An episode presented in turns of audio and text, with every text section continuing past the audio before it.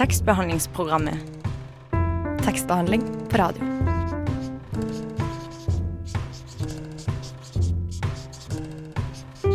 Tekstbehandlingsprogrammet.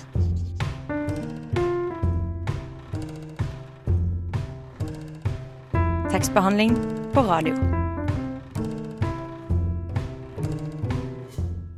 Eh, Det er siste onsdag, aller siste onsdag faktisk, i måneden. Og, og tradisjonen tro så markeres det med nok en storstilt livesending med tekstbehandlingsprogrammet.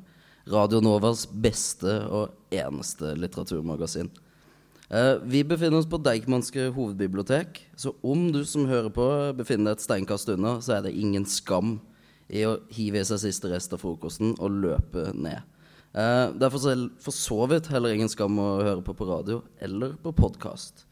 Uansett, mitt navn er Kim Klev, og ved min side så sitter min eminente makker Nora Helseth. Hei. Hei. Yo. Um, hvilken bok har du lest uh, på den siste uka? Om noen? Å, det er bare pensum. Bare pensum. Dessverre. Hva er det beste pensumboka du har vært borti siste uke? Uh, det er en bok som heter Mr. Fox av Helen Oyeyemi. Den er kjempebra. Ja. Ukas anbefaling Ja, der. absolutt. Um, uh, men i dag så har vi tenkt å snakke om noe litt annet, litt alvorligere kanskje. Uh, vi står som kjent uh, oppe midt, midt i den største humanitære krisa siden annen verdenskrig. Der millioner med mennesker drives på flukt, og særlig fra krigsrammede Syria. Uh, men pennen er som kjent mektigere enn sverdet. Så despoter og andre motstandere av sannheten driver til stadighet med en heksejakt på både skribenter, karikaturtegnere og forfattere. Eh, det er dessverre ikke noe nytt. Um, så midt blant hylleradene med krimbøker eh, Ja, det er der vi sitter som vanlig. Um, får vi i den anledning straks besøk av den kurdiske journalisten Kosar Fatahi, eh, som måtte rømme fra Iran etter å ha skrevet regimekritiske tekster. I tillegg så skal vi snakke med Hede Nori Newt fra ytringsfrihetsorganisasjonen PEN, og Pål H. Aasen, eh, som har oversatt flyktningsdokumentaren 'Bilal'.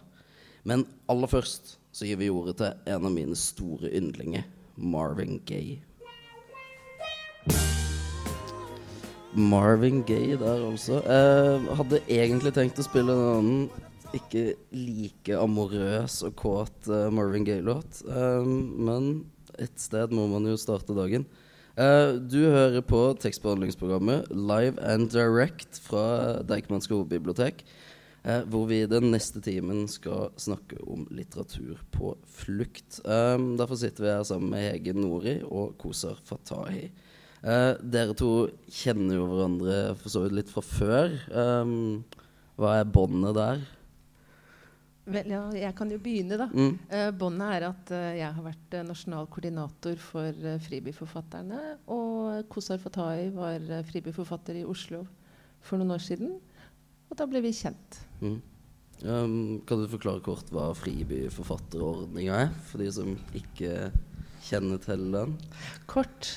Jeg skal prøve. Ja, eh. Noenlunde kort. Først og fremst vil jeg si at det er en fryktelig viktig ordning. For det er veldig veldig viktig å passe på uh, å ivareta forfulgte skribenter. Uh, både forfattere, journalister, og bloggere og avistegnere, som du nevnte i stad. Uh, Fribyordningen det består av fribyer rundt omkring i verden som tar imot forfulgte forfattere og gir de en sånn såkalt safe haven, et fristed, i to år. Eh, hvor forfatterne får anledning til å skrive og oppholde seg i trygghet uten fare for å bli forfulgt. Det er veldig veldig kort, da. Mm. Eh, Norsk Penn eh, samarbeider jo da med eh, et, eh, en organisasjon som heter ICORN, International Cities of Refuge Network, som administrerer denne ordningen. Det er 54 byer rundt omkring i verden. 14 av de er i Norge, Mm. deriblant Oslo. Mm. Og Deichmanske her i Oslo har jo da også ansvaret for fribyforfatterne her i Oslo. Eh, Kosar, du flyktet jo fra Iran da du jobbet for en avis som eh, var støttet av den ulovlige opposisjonen. Og så kom du til Norge i 2007 som fribyforfatter. Kan du fortelle litt mer om dine opplevelser? Eh, ja. ehm, Eh, jeg flyttet fra Iran da var jeg eh, sju år gammel. Uh, av uh, vi, hadde, uh, vi begynte etter åtte år krig mellom Iran og Irak. Det var en to-tre år så hadde litt mulighet, og man kan f.eks. være aktive i dette samfunnet. Og så vi var helt unge, og så ny generasjon så etter krigen. Vi, vi prøvde å være aktive om vårt samfunn og kultur og språk og alt, som var veldig interessant for oss. For oss. Altså det, men samtidig hadde vi eh, Vi opplevde ni eh, eh, Ny grense av eh, politi og myndigheten, så egentlig særlig for meg det var litt uh, vanskelig. Så jeg uh, flyttet fra Iran, det var 1992. Uh, egentlig vi kaller ikke Iran, jeg kaller Kurdistan, så den uh, jeg delte mellom flere lander. Uh, så jeg hadde neste mulighet til meg Det var Kurdistan del av Irak, så de har litt frihet også, de har egen mat. Så jeg flyttet der, og så begynte å bli mer, enda mer aktivere der. Så til 2007 da jeg kommet med min eh, familie til Norge via dette programmet som Hege har for, fortalt. Det er nesten en lang uh, historie og så mye opp og ned i livet mitt, egentlig. Det var ikke helt lett, men det var en kjempebra mulighet til en som meg, som egentlig mm, mistet håpet. Så hvordan kan redde livet mitt og familien min? egentlig? Hvordan kan man finne en mulighet til sånn som var eh, to-tre år, egentlig? Så men, da, ja. Mm, men uh, den tiden du var fribyforfatter, fortsatte du å skrive kritiske tekster om Iran? Ja, det var uh, 2007-2009 så jeg har uh, med det, dette programmet. Jeg har, uh, jeg har så mye aktiv, og så hadde vi en gruppe som er opptatt med litteratur og politikk samtidig. Så jeg har skrevet mye, og jeg tror jeg dere kaller redaktor på nettsider som avis, nettaviser. Jeg var redaktor på det, og så skrev jeg samtidig. og så vi sender via nett også. For de har ikke mulighet til å fortsatt har ikke mulighet til å være aktiv i hjemlandet, så vi bare sender via som nettsider via internett, egentlig. Jeg bare, kan jeg bare legge til én mm. ting, og det er jo også kurdernes uh, sak. da. Uh, for det, Kurder er jo ofte dobbeltforfulgt, for de får jo heller ikke lov til å skrive på eget språk. For det kurdiske er forbudt i veldig mange land. Ja, det er ikke offentlig språk, egentlig, men uh, vi har uh, aktiviteter pga. Uh, samfunnet presser myndigheter. Vi har en ny bevegelse. Uh, og så de presser oss, de presser oss. Så den, på den uh, måten så kan vi få litt mulighet. Ellers kurdisk språk har ikke mulighet til å være en uh, f.eks. skolespråk. Ellers som persisk språk har ikke mulighet til å gå gjennom systemet. Ja, har situasjonen forbedret seg nå? Er det noe bedre i dag enn det var da du dro?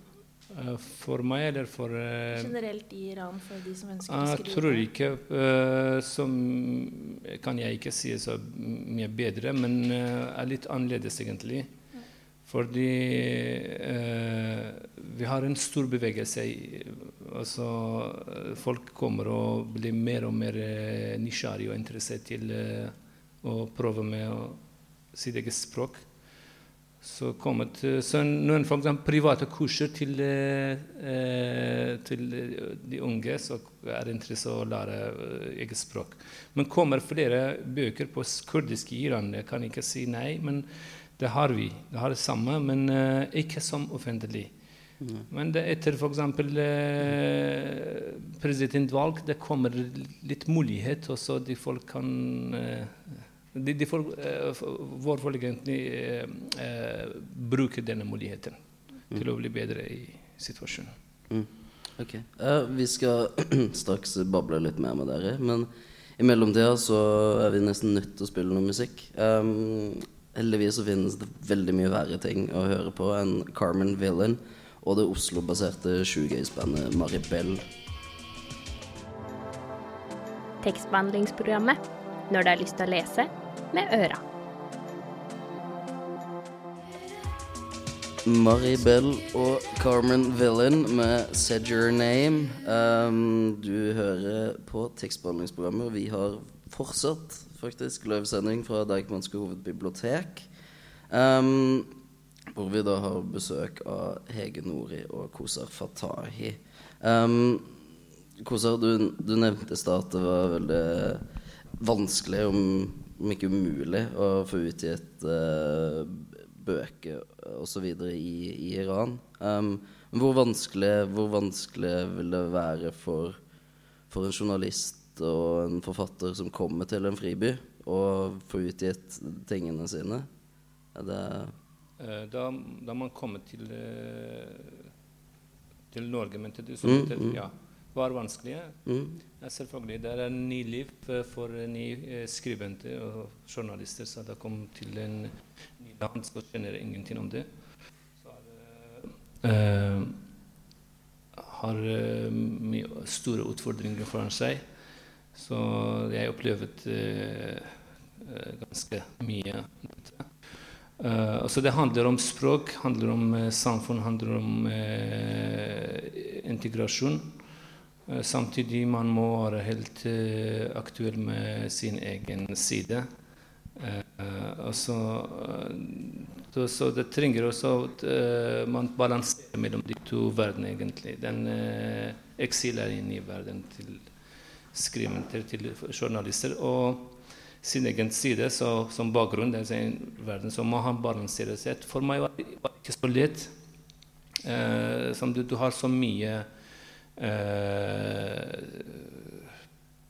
egentlig problem med å eh, bruke på, på god måte tidene dine til å eh, være helt aktiv på begge sider.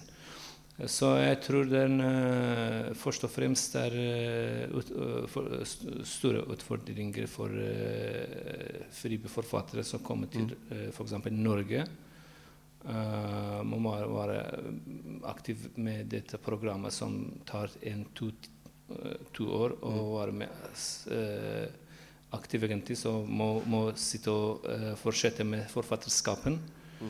Eh, samtidig må lære språk og bli kjent med nye land og nye samfunnet. Eh, så formidling eh, på uh, nye språk det er kjempevanskelig. etter Et, et, et år så jeg kan ikke forklare veldig godt om meg selv på norsk, Uh, selv om jeg har så mye inne i meg. Eh, tankene mine er fullt av uh, mening egentlig, som må forklare.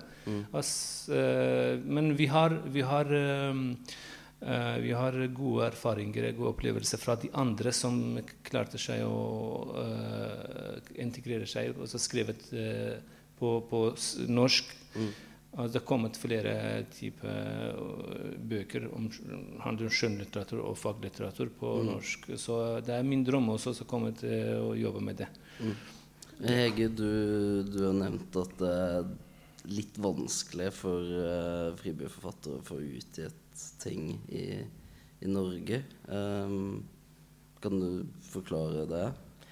Ja, jeg vil også bare følge litt opp med det Kostar sa. For det at det veldig mange sier når de kommer til Norge, og de skal jo lære seg norsk, for de skal jo rett inn i introduksjonsprogrammet, og de er flyktninger her. Eh, og det er jo For skribenter så er språket er skatten deres. Det er den største skatten. Og de mister på en måte den. Og for journalister så mister de hele kontaktnettverket sitt. De mister på en måte så fryktelig mye. Eh, så de mister alle premissene for å kunne jobbe når de kommer til Norge. Og det må bygges opp igjen, og det tar veldig veldig lang tid. Så det er på en måte det ene. Men så er Hvem det er det man kommer i kontakt med da? Eh, da har man jo koordinatorene i de ulike eh, fribyene. Mm. Og eh, så lokale koordinatorer som er ansatt for å kunne bistå forfatterne.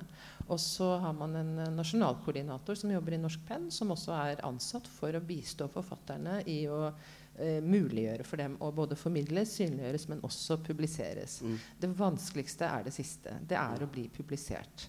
For den derre fysiske boka, den betyr alt. Det er masse forskjellige publiseringsplattformer. Du har jo Internett og mange altså blogger, sosiale medier osv. Eller e-bøker, for den saks skyld. Men det er den fysiske boka som er sant? Det er et sånt symbol på at du er noe. Du har faktisk utgitt. Eh, så den betyr veldig veldig mye for forfatteren, og det skjønner jeg. Uh, det vi opplever, er jo at um, forfatterne uh, har veldig vanskeligheter for å komme seg inn i den, det norske litterære landskapet. Uh, det er svært få som blir utgitt av norske forlag. Selv om noen, som Kosar sa, absolutt har gjort det. Og jeg kan nevne faktisk ganske mange, så det fins solskinnshistorier. Men det er fryktelig vanskelig å få beinet innafor. Uh, det er jo både fordi at det er vanskelig for norske forfattere å få et bein innafor. Det vet jo alle som har forsøkt det. De får 5000 manus i år eller noe sånt hver eneste forlag. Mm. Uh, så å være den ene da som kommer eh, får publisert, er jo i seg selv et nåløye. Hvis du da i tillegg skriver på persisk eller arabisk eller vietnamesisk, så er det enda vanskeligere. Og det andre er jo faktisk eh, oversettermuligheter. fordi at For at norske forlag i det hele tatt skal kunne vurdere om de skal ut i en bok eller gå videre med en bok, så må de ha 20-30-40 sider oversatt til norsk. Mm. Men det er ikke mange nok eh, kvalifiserte oversettere faktisk i landet her som behersker arabisk og persisk og somali, tigrinia, vietnamesisk og bengali og så videre og så videre og så videre. Mm. Så det er faktisk også en utfordring for uh, fribyforfatterne. Mm. Men føler du at uh, Penn har et ansvar med å få utgitt ting av fribyforfatteren, eller er det noen andres ansvar? Uh, vi har et ansvar. Uh, for det første så har vi et fundamentalt ansvar i å ta vare på forfulgte forfattere. Uh, og følge de opp. Det står i det internasjonale PEN-charteret at det skal vi også gjøre. Mm. Uh, og Derfor har jo også Penn, Norsk Penn engasjert seg i det norske fribynettverket helt siden starten i 90-årene. Og vært veldig veldig engasjert i det. Um, så det vi gjør, er jo annethvert år å utgi en fribyantologi. Uh, hvor fribyforfatterne har anledning til da, å bli publisert. Og da er det jo Jeg skulle gjerne ha tatt med, men jeg vil tenke meg at Deichman Lån den på Deichman. Det er tre stykker som er utgitt da. Mm. Uh, så Siste kom i fjor. Så planlegger vi en til neste år. Okay, kult. Eh, men når det gjelder muligheten til å påvirke hjemlandet når du er i eksil, hvordan er det? Det er jo litt det Kosai snakket om. at han, når han kom til Norge, så uh, fortsatte han å jobbe eh, aktivt på Internett. At han var redaktør av en nettavis og sånne ting. Og det gjør de absolutt fleste. Det er et par stykker, og det må jeg si, det forstår jeg veldig veldig godt, som sier at nå trenger jeg en timeout. Nå har jeg vært fengsla i sju år, sittet på isolat og vært torturert. Endelig har jeg fått eh, familien min i trygghet. Eh, nå har ikke jeg lyst til å skrive politisk. Jeg har lyst til å skrive om kjærlighet. Jeg har lyst til å skrive om havet, om naturen. Og det må være helt lov, og det er veldig forståelig. Men de aller, aller fleste de benytter anledningen til nettopp det. kunne, altså Nå er de i trygghet, eh, og da kan de skrive herfra. Og det, da har man jo heldigvis eh, Internett. Mm, ok. um, vi skal høre enda en låt. Uh, 'Empress of' med um, uh, Feil låttittel, men uh, vi skal høre 'Empress of' i hvert fall. Um, det var altså 'Empress of', og nå har vi fått låttittelen på plass. Det er 'How Do You Do It'. Um, du hører fortsatt på, forhåpentligvis, eh, tekstbehandlingsprogrammet. Um, hvor vi nå har eh, fått eh, gitt en mikrofon til Pål H. Aasen. Um, som oversatte boka 'Bilal med de papirløse til festning Europa'. Eh, Tittelen er en liten giveaway, men hva, hva, handler boka om? Den handler om en uh, italiensk journalist som uh, reiser til uh, Dhaka i Senegal. Um, og, og, foretar den reisen som, som veldig mange flyktninger tar gjennom Vest-Afrika, Sahara-ørkenen, eh, til Libya eller Tunisia og med båt derfra til eh, Lampedusa eller en av de andre italienske øyene. Um, han uh, foretar reisen som, uh, som, en av dem. Altså han, han kler seg i tradisjonelle plagg og lar skjegget gro. Uh, og, og, og, forsøker så, så, nært som mulig å oppleve hvordan det er å, å reise. Uh, gjennom Afrika. Mm. Um, ja, du sånn prøvde å gjøre det så nært uh, som mulig. Hvor, hvor, hvor, tett er den skildringa på, på, virkeligheten? Um, virkelig liksom, flyktningreise gjennom Vest-Afrika? Ja, jeg vil si man kommer veldig tett på, på den virkeligheten. Mm. Um, han, eh, det er vanskelig å kontrollere selvfølgelig hvor, hvor mye han legger til av eh, fiksjonselementer, for boka er også veldig godt skrevet. Mm. Um, med, med beskrivelser av, eh, av personer og, og, og um, naturen og, og, og stemningen eh, på disse stedene. Men skjebnene som forteller, uh, vil jeg tro er eh, dokumentarisk. Og han, han, slipper til veldig mange forskjellige stemmer. Veldig mange forskjellige skjebner. Eh, og, og, og, boka er sånn sett en, en, en, en helt unik eh, tilgang til, eh, til hvordan det må være å, å, å, komme fra et eller annet sted i eh, Vest- eller Midt-Afrika og, og forsøke å komme seg til Europa. Mm. Veldig få eh, kommer eh, seg til Europa. De aller fleste blir jo værende igjen i en eller annen form for slavevirksomhet eh, på veien. Prostitusjon eller, eh, for kvinnene, eller arbeid for, eh, for mennene. Mm. Um, uh, du fortalte at han um, etter å ha kommet til Italia, så blir han en uh, tomatslave, om man kan kalle det det. Er, er det det du tenker på da, som slavearbeid, eller er det i Vest-Afrika? Ja, i, i, Afrika så finnes det en um, Sikkert blant mange, men den, den um, han, beskriver en, en, slaveoase, rett og slett, uh, som befinner seg nord i Niger. Um, hvor, hvor, folk rett og slett stopper opp fordi de har ikke mer penger. De har brukt opp alle pengene de hadde. De har solgt dunjakkene sine og regnfrakkene sine og gummistøvlene sine. Uh, og, og, blir nødt til å arbeide på ubestemt tid for en eller annen uh, gjerne militær person i uh, Niger. Slik at de aller færreste ser noe til Europa eller Middelhavet i det hele tatt. Mm. så hvis de først kommer til Italia, så kan skjebnen bli slik den blir for for Fabrizio Gatti selv, da, under dekke av å være en kurdisk flyktning, faktisk, Bilal. Um, at, han, at, han, får et utvisningsvedtak i hånda. En beskjed om å komme seg ut av landet på egen hånd. Og det er det jo da ingen som gjør. Uh, de har ikke penger til å komme seg ut av Italia på egen hånd, så de oppsøker da um, et eller annet uh, form for arbeid. Og mange finner det sør i Italia på uh, tomatplantasjer. Mm. hvor det finnes nok av bønder som er villige til å la dem arbeide på markene sine for uh, ingenting. Mm. Boka kom i 2007.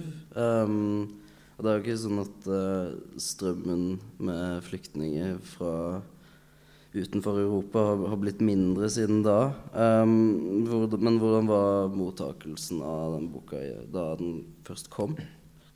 i Italia? I Italia skapte boka mye debatt, selvfølgelig. Fordi uh, Italia er uh, kjent med uh, problemet. Mm. Italia er også kjent til dels for å skyve problemet under teppet. Fordi de nyter godt av illegal innvandring i Sør-Italia, dessverre. disse flyktningene er et lett bytte for det jeg vil kalle mafios landbruksproduksjon. Mm. Men de som kritiserer Gatti for her å være venstrevridd, ikke sant, og, og, og uh, Han kaller jo det 'Festning Europa'. Det er kanskje litt ladd? Ja, det er, den, det er, det er et oversettervalg fra, okay, okay. fra, Aschehoug, tror jeg. Det, det her finnes ikke i originaltittelen. Uh, undertittelen på originalt uh, har med slavearbeid å gjøre. Okay. Uh, så det er det han fokuserer mm. på. Mm. Hvordan dette er en slaverute. Og det er det den heter på italiensk også, nei, på, på, på svensk også, tror jeg. Med, på slaveruten til Europa. Mm. Men, uh, men, folk syns at han uh, er for venstrevridd? Enkelte? Ja, men men jeg tror ikke han har et bestemt politisk prosjekt. Jeg tror at mm. han, han eh, egentlig mest er opptatt av å, å, komme nært inn på disse skjebnene og bare eh, la dem få Eh, en stemme. Eh, mennesker som man vanligvis ikke hører noe eh, fra. Mm. All, alle de som sier at dette er lykkejegere og, og slike ting, det er jo en, en sånn betegnelse man ofte hører. Har, de har ikke beskyttelsesbehov, de er lykkejegere. Um, og det kan nok uh, være i noen tilfeller, men, men, men, ikke i andre tilfeller. Og Gattis prosjekt er egentlig ikke å definere noen, men bare å mm. la folk uh, fortelle om sine uh, liv og sine grunner for å komme. Mm. Boka så står det jo noe sånt som at for å kunne si noe om denne flyktningsituasjonen, så bør du ha lest denne boken. Og da tenker jeg litt sånn, Er det litt ofte sånn for oss i Norge eksempel, at for at vi skal engasjere oss, så må vi lese litt sånne ekte historier og kjenne litt på den empatifølelsen? da? Ja, det er jo langt borte. Det er jo veldig annerledes. Uh, jeg vil tro det virker sånn også.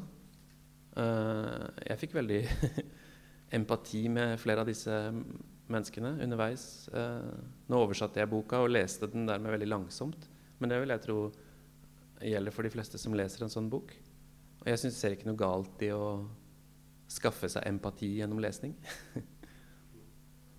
um, du uh, Da vi snakka sammen tidligere, så nevnte du at um, det er en sånn uh, allusjon til Dante som på en måte går gjennom hele boka. Jeg kunne du forklart det?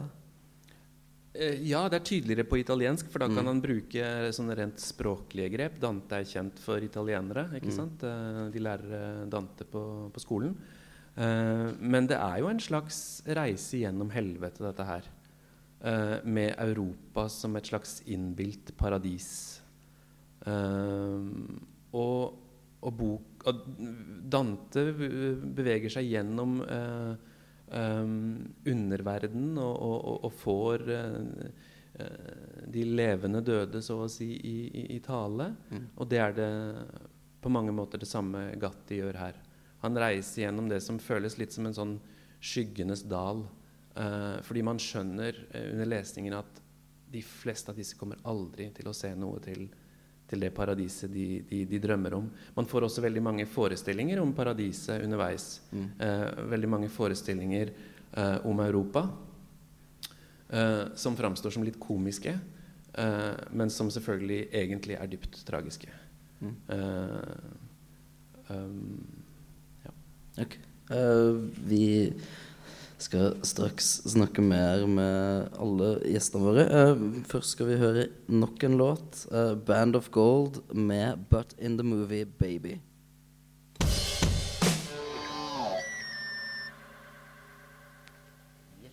Vi er tilbake på Deichmanske hovedbibliotek, muligens. Kanskje ikke. Der er vi tilbake på Deichmanske hovedbibliotek. Du hører på tekstbehandlingsprogrammet. Um, Uh, uh, Pål, um, du, du nevntes da at um, i hvert fall du fikk en voldsom empati for disse menneskeskjebnene i, i Bilal. Uh, men det er jo en i hvert fall tilnærma dokumentarisk og realistisk bok. Um, tror, du, tror, du, litteratur må være så i hermetegn virkelig for å vekke de følelsene? Eller eh, jeg tror eh, litteratur kan eh, virke på veldig mange forskjellige måter. Mm. Her snakker vi gjerne om at litteraturen må ha en eller annen form for fremmedgjørende effekt mm. for at den skal rive opp noe i oss. Mm. Men denne virkeligheten som beskrives i, i, i Bilal, er jo så drøy at man trenger ingen fremmedgjørende effekt effekter. Mm. Eh, man kan egentlig godt legge seg tett opp til virkeligheten, og, og det vil føles fremmed nok eh, som det er. Mm.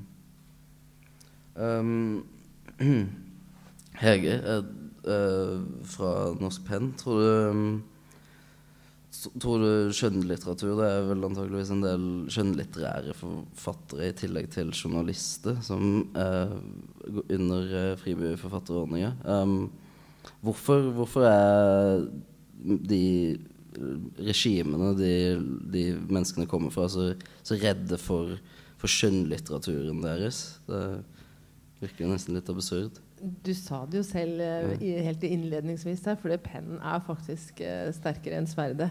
Mm. Uh, og pennen kan være mye, mye farligere enn sverdet. Mm. Og det er klart at de kritiske røstene, eh, om det er intellektuelle eller journalister eller forfattere, det, det er jo de som også håper si, nesten kan egenhendig stå for en eh, demokratisk utvikling i et land. Og når de blir tiet, altså da blir det desto viktigere å tie nettopp de røstene. For man vil jo ikke at uh, Man vil jo ikke bli kritisert. Man vil fortsette å undertrykke, og man vil fortsette å regjere slik man gjør. Eh, så da er det de kritiske røstene man tar uh, først.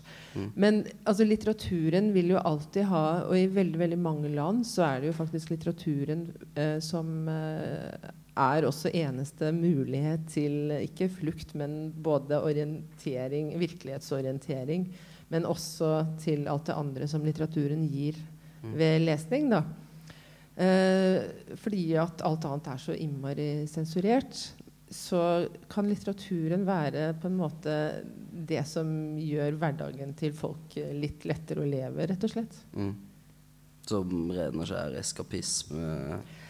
Ja, men det er også fordi at uh, altså, Det som jeg syns er så fascinerende, er jo for at i disse regimene, og da tenker jeg jo spesielt på f.eks.